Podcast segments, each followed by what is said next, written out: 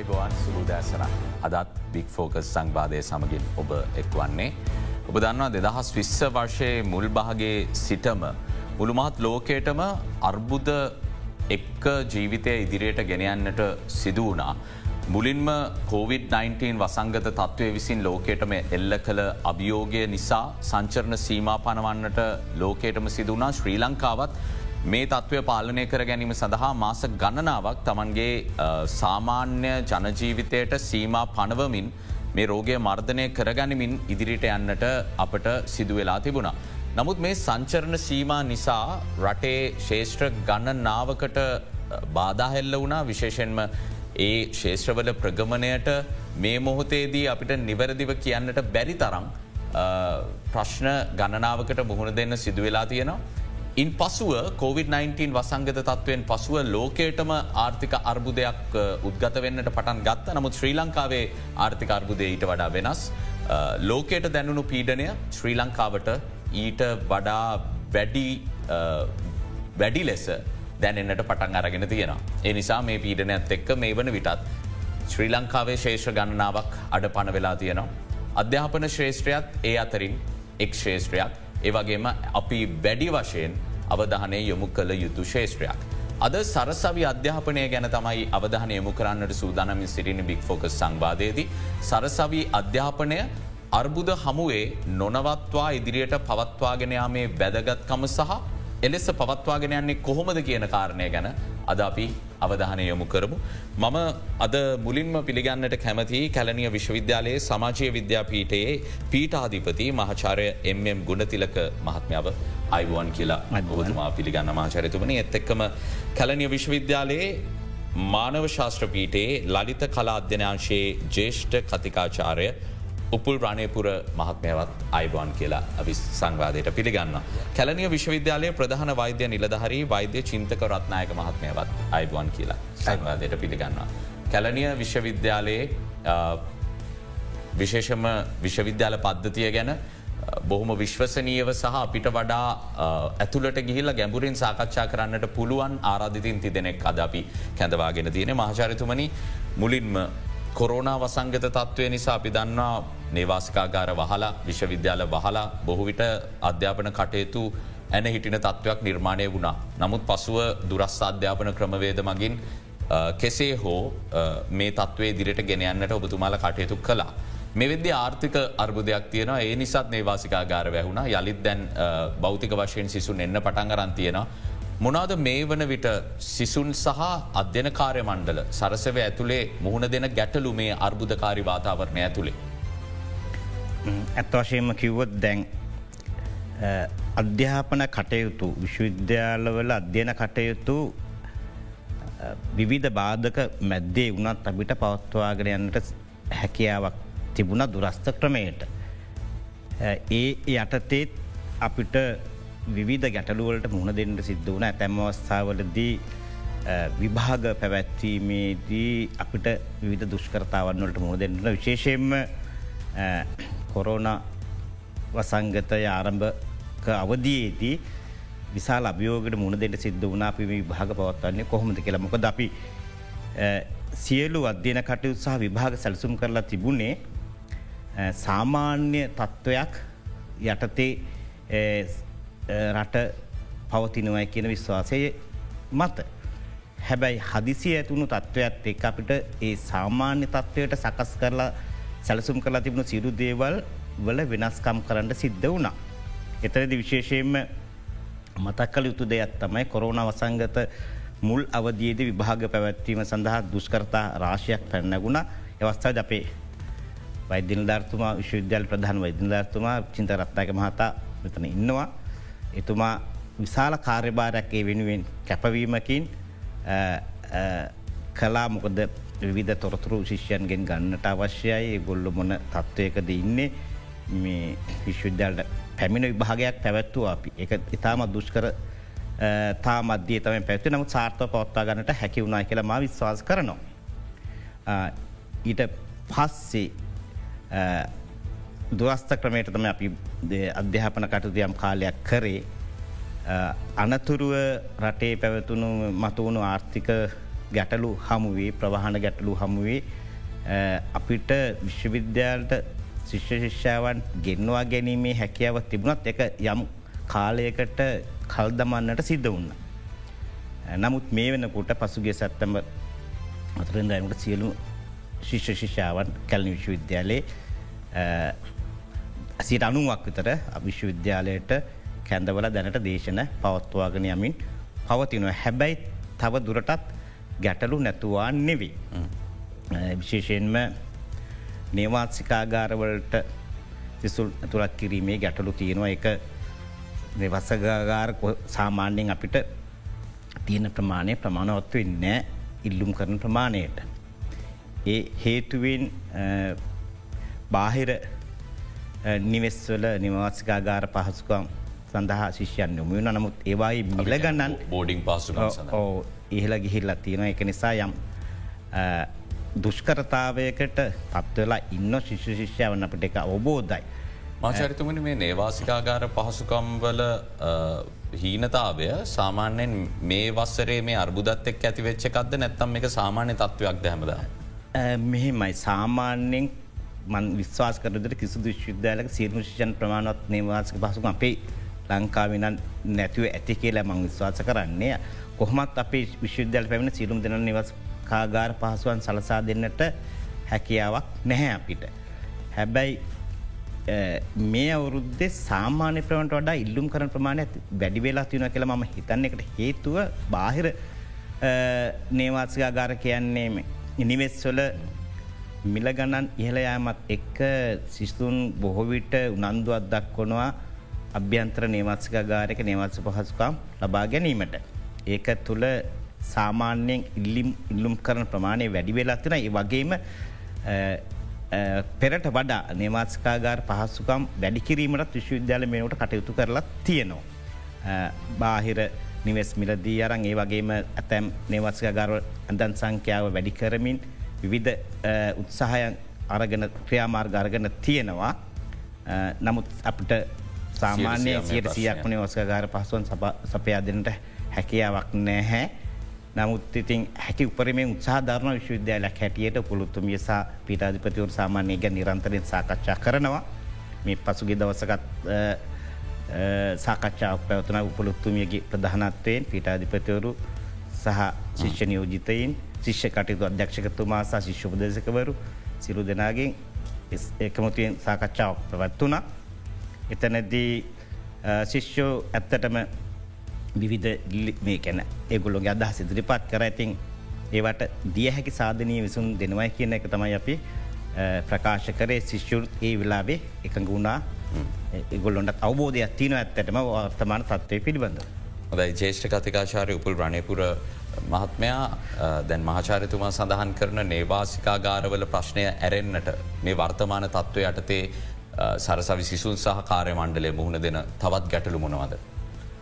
මහිතන්නේ මේ පිටාධපත්තුමන් ඉතා හොඳින් පරිසරය විශ්වවිද්‍යාලයේ ආරම්භ කිරීමත්ක විශේෂයෙන් භෞතික වශයෙන් ආරම්භ කිරීම පිළිබඳව සඳහන් කරා කලින්දු මේ ප්‍රධානම ඔබ සඳහන් කරපු කාරණයට අතිරේක ප්‍රධාන ගැටලුවක් තියෙනයි තමයි අපි හැමෝම දන්නවා මේ කාලසීමාව ජීවත් වෙනකොට අපි උපයන ආදායමට වඩා වැඩි වේදමක් ජීවත්වීම සඳහා ගෙවා දමන්න සිදු වෙනවා.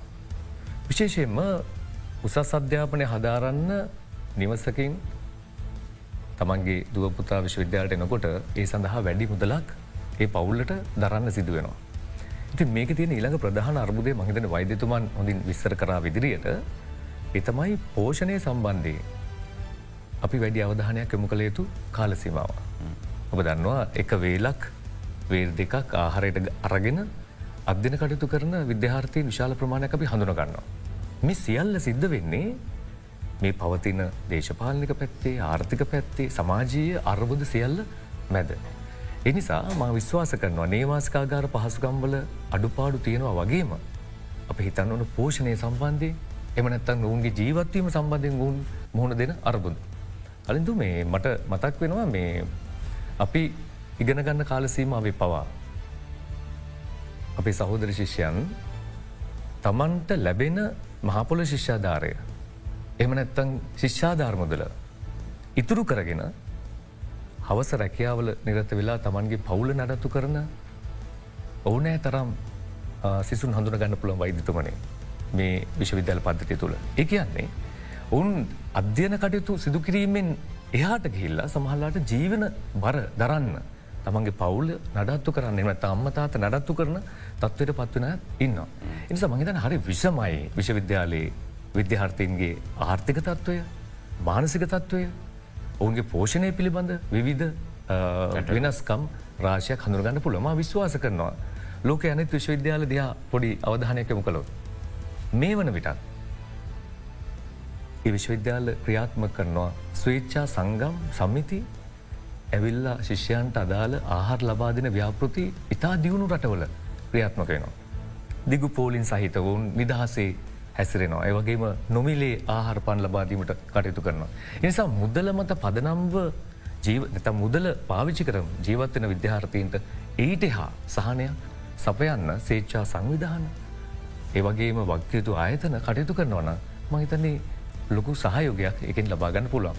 ඔබ වගේ ආයතන ඒ සඳහා හොඳ ප්‍රචාරයක් ලබාදීල මේ රට රටේ ඉතාම වැදගත් පුරවැසියන්ව ජීවත් කරවීම සඳහා අවශ්‍ය සහය ලබා දෙන්න කටයුතු කරනවන ඒකත් ඉතාම වැදගත් එය එක පැතිකඩක් විශවිද්‍යන්. වෛදේ චින්තකරත්නායක මහත්මයා කතිකාශාරිතුමා කිව්ව වගේ අපේ රට අනාගතයේදී ගොඩනගන මානව සම්පත තමයි මේ සංවර්ධනය වෙමින් තිබෙන්නේ විශ්වවිද්‍යාලය කියන ආයතනය තුළ.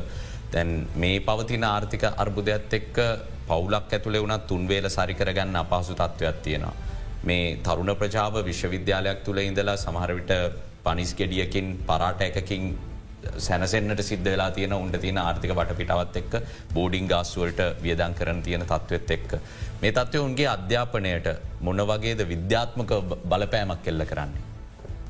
ඇතම කවිල්ලු අපේ උකුල් රණයපුර මහත කිව්ව වගේම දැම් මේක අපි විශ්වවිද්‍යාල පද්ධතියට ඇත්තටම මූලිකව අපි කොවිඩ් වසංගතය නිසා රටක් වශයෙන් බැටකෑව ඒකම ආර්ථික අවපාතයක් රට අපි හැම දෙනාම දන්නවා. ඒ ඇති වුණ. මේ හැම දෙයක් එක්කම මංහිතන්නේ විශ්වවිද්‍යාල පද්ධතියේ සිසු දරුවන්ට පමණන්නේ ලංකාව සියලු දෙනාටම මේක විශාල ගැටලුවක්.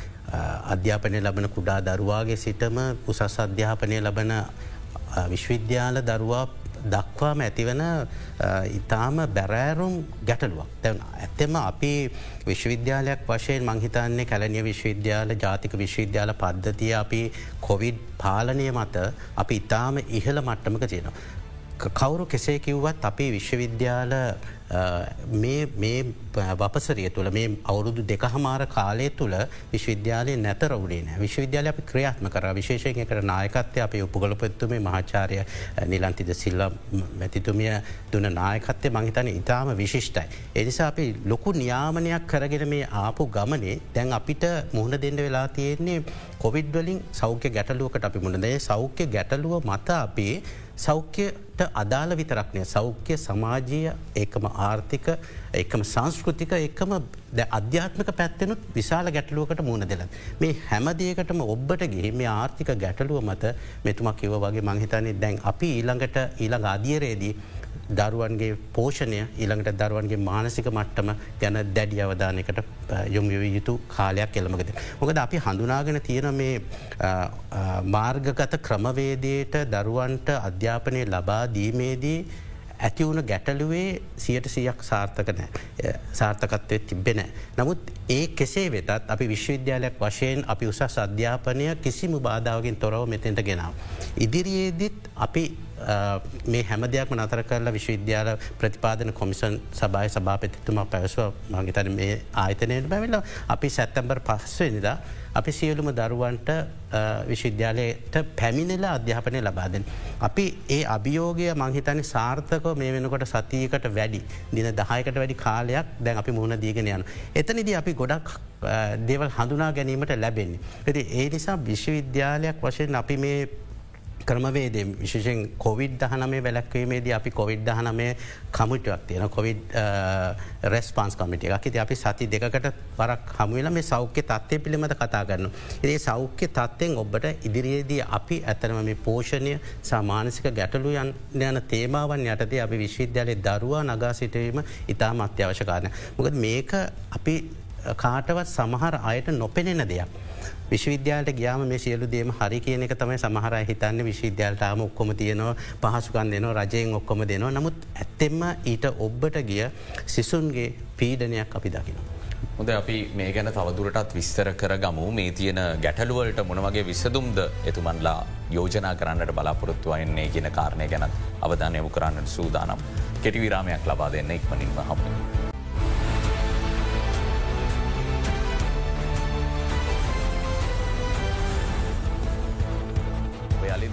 සමගින් මේ පවතින ආර්ථික අර්බුද හමුවේ විශ්වවිද්‍යාල අධ්‍යාපනය අකණ්ඩව නොනවත්වා ඉදිරියට පවත්වාගෙන යන්නේ කොහොමද කියන කාරණය ගැන අද සාකච්ඡා කරමින් සිරින්නේ.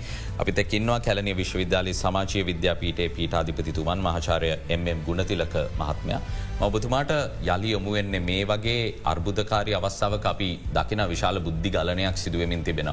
අද වන විට යම් කිසි උගත් මට්ටමකට ඉගෙන ගැන රැකියාවක් කරන බොහෝ පිරිස් ලංකාවේ ආර්ථිකය ගැන තියෙන කලකිරීම නිසා විදේශගතවමින් තියෙනවා. තොට විශ්වවිද්‍යාල අධ්‍යාපනයත් අත්හැර දමා එලෙස වෙනත් මාර්ගවලට යොමුවීම අපි බලක්වා ගත යුතුයි අනාගතයේදී අපේ රට සංවර්ධනය කරන්න අවශ්‍ය මානව සම්පදක් ගොඩනගා ගන්න. මේ වගේ වෙලාවක රජයත් තියන්නේ විශාල අපහසුවක මොකද වැඩි වශයෙන් ප්‍රතිපාදන ලබාදීම අයවැයක් ඔස්සේ හෝ අධ්‍යාපනයට වෙන් කරන්නේ කොහොමද කිය උබතෝකොටික ප්‍රශ්නයට මුණදීලන්න අයවැය පරතරය පියවා ගැනීමේ ගැටලුවත් එක්ක. සිවිල් සංවිධාන මුළු රටේම පුරවැසියන්ට මේ වගේ අවස්ථාවක කොහොමද ඒ එකාබද්ධ වැඩපිළිවෙලකට යන්න පුළුවන් මේ අංශය කොහොමරි රැකගන්න.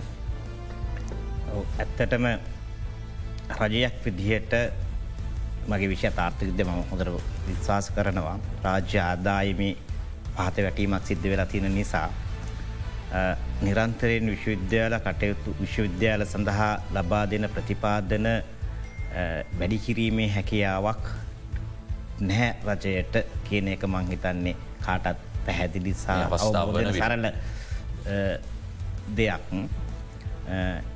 එතනදී විශ්වවිද්‍යාලවලට ඇතැම් අවස්ථාවලි තමන් විවිධ පාටමාලා බාහිර පාටමාලා මගින් උපේන මුදල් භාවිත කිරීමට සිද්ධ වෙනවා. දැනටත් අපි කැලනි විශ්වවිද්‍යාලේ එවැනි බාහිර පාටමාලාවලින් උපයන මුදල් ශිෂ්‍ය සුභසාධන කටයුතු ඒවගේම නේවාසිකාගාර නඩත්තු කටයුතු සඳහා විශාල වශයෙන් වැෑකරමින් පවතිනවා ඒ එක පැත්තක් අනිත් දේ තමයි ශිෂ්‍ය උන්නත් ශිෂ්‍යවන් වනත් යම් අවබෝධයකින් යුතුව පවත් පසුවන මේ අවස්ථාව වෙන්නකොට පවතින රටේ අර්බුදය ගැන ඒගොල්ලොන්ඩත් හැඟීමක් වැටහීමක් තියෙනවා. ඉතින් ඒ තුළ ඔවුන්ගෙන් විශාල් ප්‍රමාණය ඉල්ලීම් ලැබෙන්නේ නැහැ වුන්ටත් අවශ්‍ය ශිෂ්‍යවට අවශ්‍ය ඇත්තටම හොඳ උසස් අධ්‍යාපනයක් ලබලා පිළිගත හැකි කොහෙත් ලෝකේ ඕන තැනක පිළිගත හැකි උපල්සාහතයක් ලබා ගැනීම ඒගොල්ලොන්ගේ අභිප්‍රහය වෙනවා. ඒක්කම ඒගොලුට පස්සේ ශ්‍රමා මුදාවට එකතුවීමතමයි සාමාන්‍යයෙන් සිද්ධ වෙන්නේ.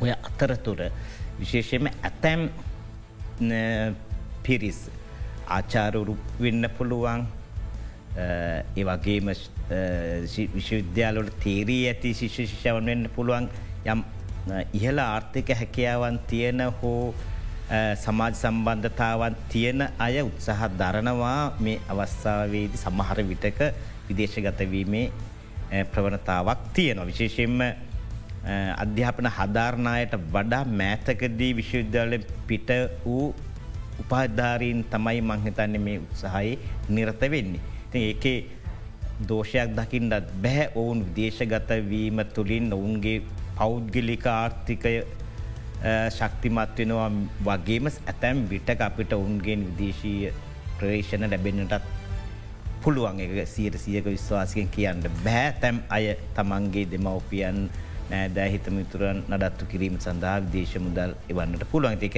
විදේශ උසත් අධ්‍යාප ලබා ගැනීමෙන් අනතුර උපාදයක් දිනා ගැනීමෙන් අනතුර විදේශගතවීමට යම් කෙනෙක් උත්සහදරවුණන් එක වරදක් නෙවෙයි කියලමං හිතන්න. ඉතින් අපේ කාර්ය වෙන්නේ විශ්වවිද්‍යාලට පැමිණ පැමිණෙන දරුදරියන්.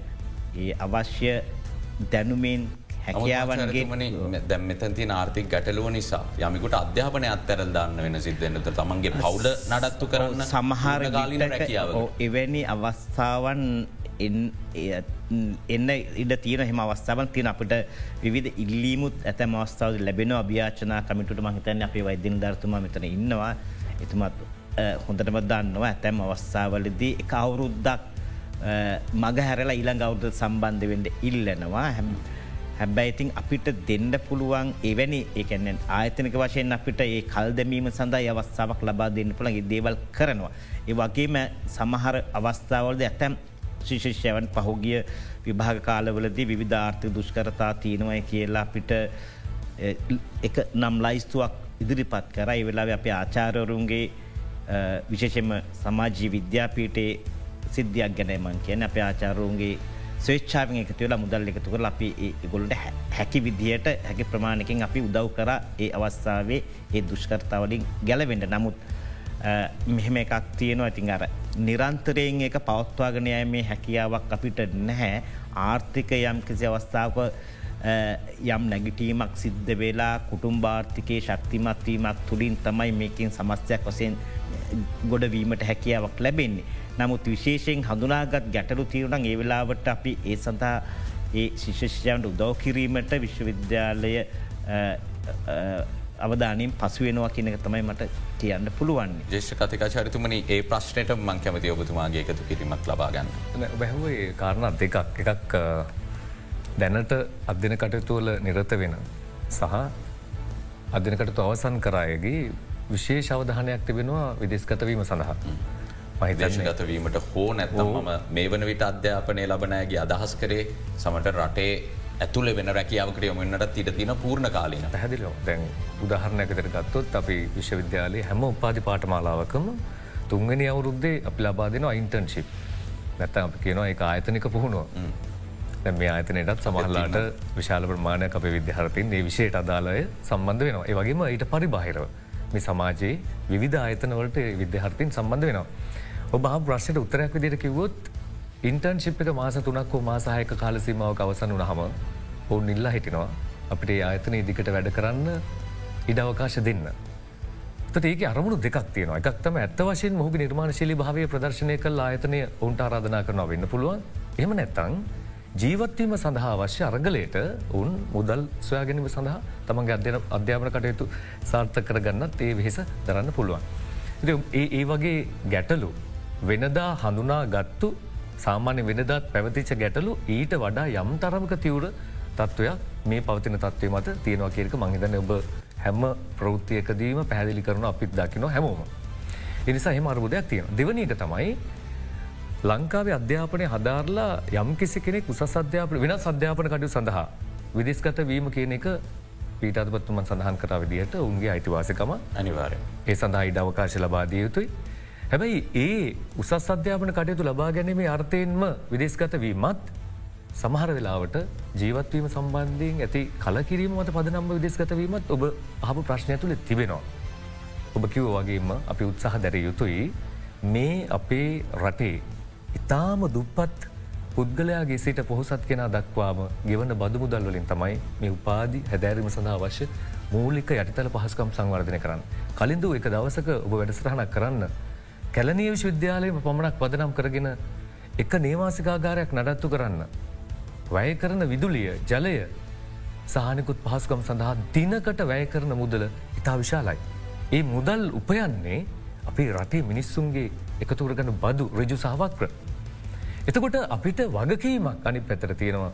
අපි පෝෂණය කරනවා ඉතාම නිර්මාණශීලි පුද්ගලකක් බිහි කරන රටට වැඩදායි වගකීම් සහගත පුරවැසික් බිහි කරලා ඒ පුරවැසියාගේ වක්කිම් ප්‍රමාණය මෙතනින් එහා වෙන රටකට ලබා ගන්ට උත්සාහ කරන අවස්සාපය අනන්තවත් දැකලතිව නමුත් අපි මේ කරන්න මෙතනින් ලංකාවෙන් පෝෂණය වෙලා අපේ මිනිස්සුන්ගෙන් ලබාගන්න මුදල් ප්‍රමාණයෙන් පෝෂණ වෙලා මගේ වගකීම මොකද උපාධිධාරයාගේ අවසාන වගකීමමකත් මේ රට ගොඩනැගීම් සඳහා අවශ්‍ය දායකත්වය ලබාදීම.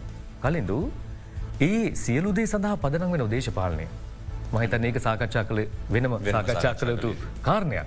නිසා පාධධාරයට රට තුළ රැඳෙන්න්නට පුළුවන් රැකයා වෙළඳ පුලක් නිර්මාණය වීම අපි වෙනම සාකච්ඡා කරන්න පැහැදිලු පැහැදිල ඒ කරුණ මත පද නම්වත් බොහෝ දෙනෙක් තමන්ගේ අනාගත අපේක්ෂාවන් අවුරදු විසි දෙක විසිතුන විසිපහ විසිහත තිහ වගේ කාලසීම වෙනකොට හැමෝටම තමන්ගේ ජීවිතය ගොඩනග ගැනීමේ සිහිනයක් තියෙනවා.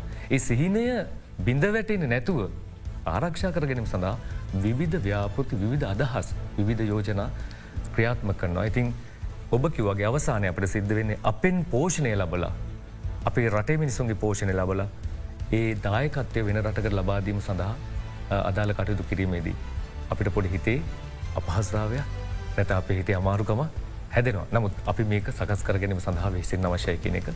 අපි ගැන සරලව කියනව කලඳු ජාතික ප්‍රතිපත්ති කියන එක නැවත නැවත නැවතත් මතු කරම අධ්‍යාපනයට සෞඛ්‍යයට සියල්ලට ජාතික ප්‍රතිපති නැවත නිර්මාණය කිරීම අවශ්‍යතාවයකුත් තිබෙන බව මකින් පැහැදිලි වෙන. අනිවර මේ සංවාධය කරගෙන ඇද්දි සංවාදය ලුමුවිය යුතු අංශ ගණනාවක් අපිට කතා කරන්න පුළුවන්. කාලවෙලාව නිසා අපි තවත් විරාමයකට අයුතු විරාමය අනතුරුව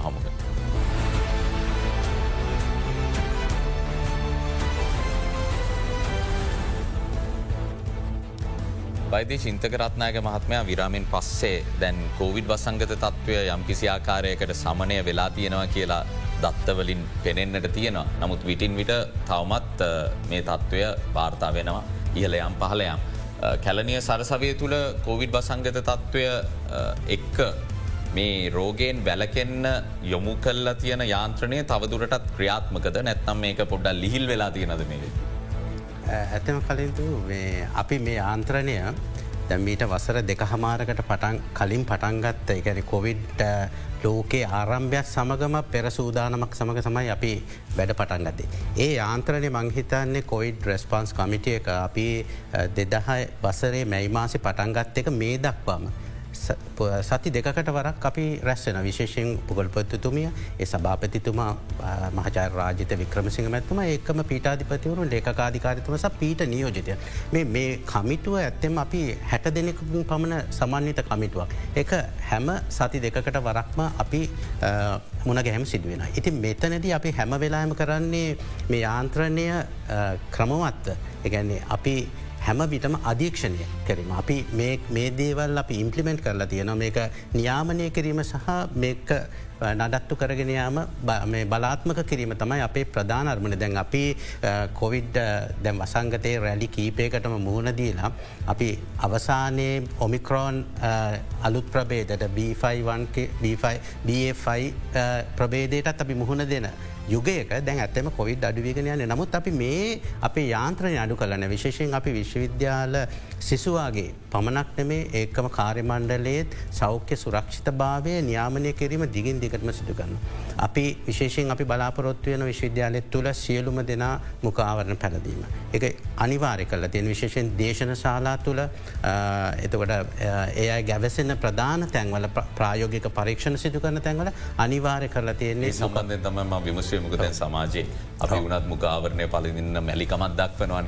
ඒකම දැන් අපි අපි ඇතෙම ආදර්ශමත් ක්‍රමවේදයක් තම ඇතම කරලා තියෙන හැම පරිසරයම අපි සෞඛ්‍ය රක්ෂිත ක්‍රමවේදයන් ස්ථාපිත කරලා තියෙනවා. දෑත් පිරිසුදු කර ගැනීම අපි තවමත් ඒක නියාමනි කරන ඒ අදාලා අංශ අපි හැම නිරන්තරයෙන් පරීක්ෂා කරන මහජන සෞඛ්‍ය පරීක්ෂක වරය හර ඒකම වෛද්‍ය මධ්‍යස්ථානය අධීක්ෂණය සිදුවෙන ඒකම දෑත් පිරිසුද කර ගැනී සැනිටයිසරේ හැම දෙයක්ම අපි බලාත්මක නමුත් ප්‍රධානම ගැටලුව තමයි අපි අපි ඇත්තෙම තරුණ ජවයත් එක්ක තමයි සටන් කරන්න.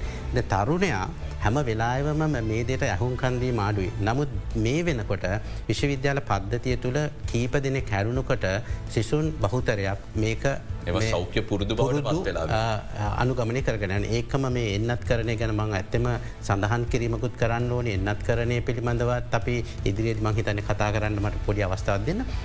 ඒකම අවසාන භාගයෙන් මං ආරාධන කරන ඔබතුමාට මේ අවස්ථාවම සඳහ එතකට දැන් අපි ප්‍රධාන වශයෙන් විශ්වවිද්‍යාලයක් වශයෙන් අපි මේ පසුගේ වකවානුව තුළ අපි කිසිදු අවස්ථාව වෛද්‍යපීටේ වහල තිබෙන වෛද්‍යපීටේ දිගටම ක්‍රියාත්ම කොන්න. ඒ එක ප්‍රධාන හේතුවක් තමයි වෛද්‍ය සිසුන් සී සීයට සීයක් එන්නත් කරනයට ලක්වල තිබ. ඉති අපිට මේක බයක් තිබුණ නෑ. ඒකම අනිත් පීටයන් ගත්තම විද්‍යාපීටය කළමනා කරන පීටය ඒකම තාක්ෂණ පීටය ඒ දේවල. එතවට අපිට තව ගැටලුවක් තිබ මේ කලාවිෂයන් හදාරණ පීටවල ප්‍රවණතාවේ පොඩි අඩුවක් තිබ්බා. නමුත් අපි ඒකට මැලිවුණේ නෑ අපි දැන් හැම වෙලාම සිසුන් උද්‍යෝග මත් කරන තුන්ගෙන මාත්‍රාවටයන්. නමුත් අපේ අපේ දත්තවලට අනුව පේන සියට පණහක් පනස් පහක් අතර ප්‍රතිශතයක් පූර්ණ එන්නත් කරනයට මේ වෙලා ලක් වෙලත. ඇබැයි මේක තමයි මට හිතෙන අපිට ලැබුණ ලොකුම තෑග්ග දායාද. ඉතින් ඒ නිසා අපිට විශ්වවිද්‍යාල ක්‍රමවත්ත මේ කොවිඩ් වසංගතය හමුවේ නැවත ආරම්භය කිරීමට හැකව ලබන ඒකම ඒ සඳහා ලබන සතියත් අපි වැඩ සටහනක් විශ්වවිද්‍යාල ලබා නොගත් සෙසුම් සඳහා පවත්තන්ට අපි බලාපොරොත්තු වෙනවා විශ්වවිද්‍යාලෙක් තුළම. හොඳයි අවසාන වශයෙන් ආචාරයතුමන්ලත් දෙදෙනාටම මං යොමුවෙන්නේ දැන් අලුතින් විශ්වවිද්‍යාලයට එලබෙන සිසුන්ට සරසවී මොන වගේ සූදානම් කල්ල තියෙන්නේ කියන කාරණ ගැන පැදිලි කරගන්න. ඇත්තටම මේ මම් කලින් පැවසු පරිදි අපි ශිෂ්‍යෝ අලුතෙන් පැමිණෙන්ට ආසන්න මොහොතේ අපි ශිෂ්‍ය නියෝජිතීන් සමඟ පොළොත්තුමි අපි මහාචාර්ය ජේෂ්ඨ මහාචර නිදන් සිල්ව මැතිනිය සහ පිට අධිපතිවරු ශිෂ්‍ය කටයුතු අධ්‍යක්ෂකතුමා සා ශිෂ්‍ය උපදේශකවරු සා ශිෂ්‍ය නියෝජිතීන් එක්ක සාකච්ඡාවක් පැවැත්තුවා. ඒකෙදි දැන් අපි සාමාන්‍ය දන්න දෙයක් තමයි මේ නවක ශිෂිෂ්‍යාන් විශුද්ධලට පැමිණීමේදී නවක වදය කියල එකක් මීට පෙර වර්ෂවල ක්‍රියාත්මක උනා කියන එක අපි දන්නවා. නමුත් පසුගේ කාලය තුළ කොවිඩ් වසංගතය සහ ආර්ථිකර්බුදයක්ත් එක් අපි විශිෂ්‍ය නොගනීම නිසා විශ්වවිද්‍යාලයට ගෙන්වා දේශ නොපැවැත්වීම නිසා මාර්ගත ක්‍රමය නිසා අර නවක වදය කියනක යම් මට්ටමකට නැතිවලා ගිහිල තිබුණ. මෙවර ඊටත් වඩ ඒකතමන් කියන ඇත්තටම අපි ඒ වෙලාවේ ශිෂ්‍යයෙන්ට අවබෝධ කරලා දුන්න. ඇත්තර මං කියන්න සතුටුයි ශිෂ්‍ය නියෝජිතයවුණුත් හොඳ අවබෝධයකින් ඉන්නවා. දැන් එවැනි නවකවදය වැනි දේවල් ක්‍රියාත්ම කරන්න පුළුවන් පරිසරයක නෙවෙයි ඉන්නේ. මේ ශිෂ්‍ය ශිෂ්‍යාවන් විවිධ ගැටලු ආර්ථික දුෂ්කරතා සහ නොයකුත් මානසික ආතතියකුත් මංහිතන්නේ බොහෝ අයට සම්ප්‍රේෂණ වෙලා තියනවා මේ වෙනකුට මේ පවතින තත්ව ඇත්තෙක් පීඩනය වැඩි. ඉතින් එක නිසා තවදුරටත් ඒ ගොල්ලෝ තවත් පීඩනයකට ලක්කිරීමට අවශ්‍ය නැහැ කියන එක ශිෂ්‍ය ශිෂ්‍යව නිශිෂ නියෝජිතයනුත් පිළිගත් අයිති මංහිතන එක බොහොම හොඳ සාධනීය තත්ත්වයක් මං හිතන්නේ. ම විශ්වාසක සීරසියකින් කියන්න බෑ. සැලකයුතු විශ්වාසයක් තියෙනවා. මං විශ්වාස කරන පරිදි නැවත වතාවක් එවැනි නවකවදේ වැනි දේවල් ක්‍රියාත්මක වෙන එකක්. නැහැ. අපි නිරීක්ෂණය නිරීක්ෂණය සඳහා විශාල කණ්ඩායමක් විශ්වවිද්‍යාලය ඉන්නවා. ඒ නවකවද විතරක්වේ විධ ශිෂ්‍ය ගැටලුත්තෙන මන ශිෂ්‍ය උපදේශන සේවයක් තියෙනවා. ඒ සඳහා ආචාරය මණ්ඩලේ පිරිස් ඉන්නවා ශිෂ්‍ය උපදේශ සඳ ඒ වගේම ශිෂ්‍ය උපදේශක වරුන් කිහිප දෙනෙක් බඳවාගනත ස්තේර පදනමක් මත. ගොල්ලොත් ඒ සේවේ යෙදිලා ඉන්නවා. ඇති දැනට තාම එහෙම ගැටලු විශේෂයෙන් සඳහන් කල යුතු මට්ට මේවා මතුවෙලා නැහැ. නමුත් ඕනෑම අවස්ථාවක ගැටලුවක් මතුවෙන් ඉඩකඩත් තියෙනවා. ඒවට ඉතින් හැකි සාධනය විසඳුම් දෙනමයි කියෙන විශ්වාසය තමයි විශ්වවිද්‍යාලයේ පවතින්.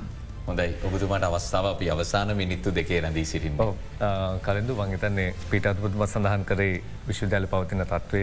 මෙවර උසස් පෙළ විභාගයට පෙනේ හිටපු විද්‍යාර්ථීන් නැතන් ශිෂ්‍යයන් දැම් බලාපොරොත්තුන්නවා විශ්වවිද්‍යාලෝට විස්සයි විසියක විස්සයි විස්ස විස්සයි විසියක අධ්‍යනවර්ශයට ඇතුළත්වීම සඳහා.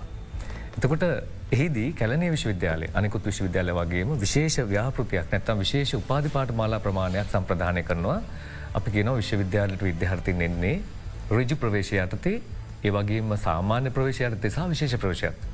තුකොට සාමාන්‍ය ප්‍රවේශසා විශේෂ ප්‍රවේශයර්ත විද්‍යාතින් කැදවා ගැනීම සඳහා අවශ්‍ය කටයුතු සිද්ධ වෙනවා රජු ප්‍රවේශය කියන එක ඩිරෙක්කින්ටේ එකට අදාළ අභියෝගතා පරීක්ෂණ රාශයක් විශ්වවිද්‍යාල ක්‍රියාත්මකන විශේෂෙන්ම කැලන විශ්වවිද්‍යාල අභිගතා පරීක්ෂණ හයක් ක්‍රියාත්මක වෙනවා.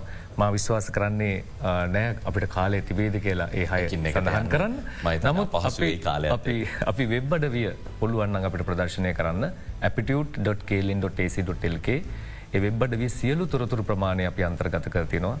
සමහල්ලාට කෙනෙක් විශ්වවිද්‍යාලට යන්න උසස් පෙළ සමත් වනත් යන්න නොහැකි වුණොත් මේ අභ්‍යෝගතා පරීක්ෂණ සමත් වෙලා විශ්වවිද්‍යාල අධ්‍යාපනය හැදෑරීම ඉඩ අවකාශ තිබෙනවා උපාධි පාටමාලා හයක් යටතේ. මම නැවතත් ඉල්ලා හිතනවා අපිටියට්.කේල්ෙන්.ටේසි.ටෙල් කියන වෙබ්බඩවිට එකතු වෙන්න ඔබට සියලු තොරතුරු ලබා ගැනීම හැකියාවත් තියෙනවා. හොදයි තව බොහෝදේ කතා කරන්නට පුළුවන් අපිට කාලවේලාව තිබුණානම් විවිධ අංශ ඔස්සේ. නමුත් අද අපේ අරමුණ බවට පත්වනේ මේ වනවිට තියෙන අර්බුධකාරි වාතාවරණයක්ත් එක්ක කැලනිය සරසවිය මූලික කර ගනිමින් අවිසාකච්ඡා කරය කොමද සරසවි පද්ධතිය අකණ්ඩව පවත්වාගෙන යන්නට හැකියාව තිබෙන්නේ සහ සරසවී පද්ධතිය. අනෙක් සියලුම පද්ධතින් ශේෂත්‍රයන් වගේ මුහුණ දෙන අභියෝග ගැටලු මොනවාද කියන සාකච්ඡාව ගොඩ නගාගෙන අපිට යම් අවබෝධයක් ලබා ගන්න. එ අනුව අද අපිට එහි ප්‍රවේශයක් ලබාගන්නට හැකියාව ලැබුණ අපි ඉදිරියටත් කතා කරමු සරසවි පද්ධතිය දින ගැටලු ගැන මේ නවක සිසුන් බඳවා ගැනීමත් එක්ක මේ තත්වය කොහොමද ඉදිරියේදී සමාජයක් විදියට අපිට මේ තත්වයට උදව්පකාර කරන්න පුළුවන් කියන කාරණය ගැනත් අපි සාකච්ඡා කරමු. බේවින්ම සූතිවන්තය නොබතුමන්ලාට අද අපේ ආරාධනාව පිළිගත්තාට අපි ඒ සමගින් අදට සංවාධයෙන් සබගන්නවා එටත් අපි හමුවනවා සුකුටතු වෙලාවට සුපදිනය.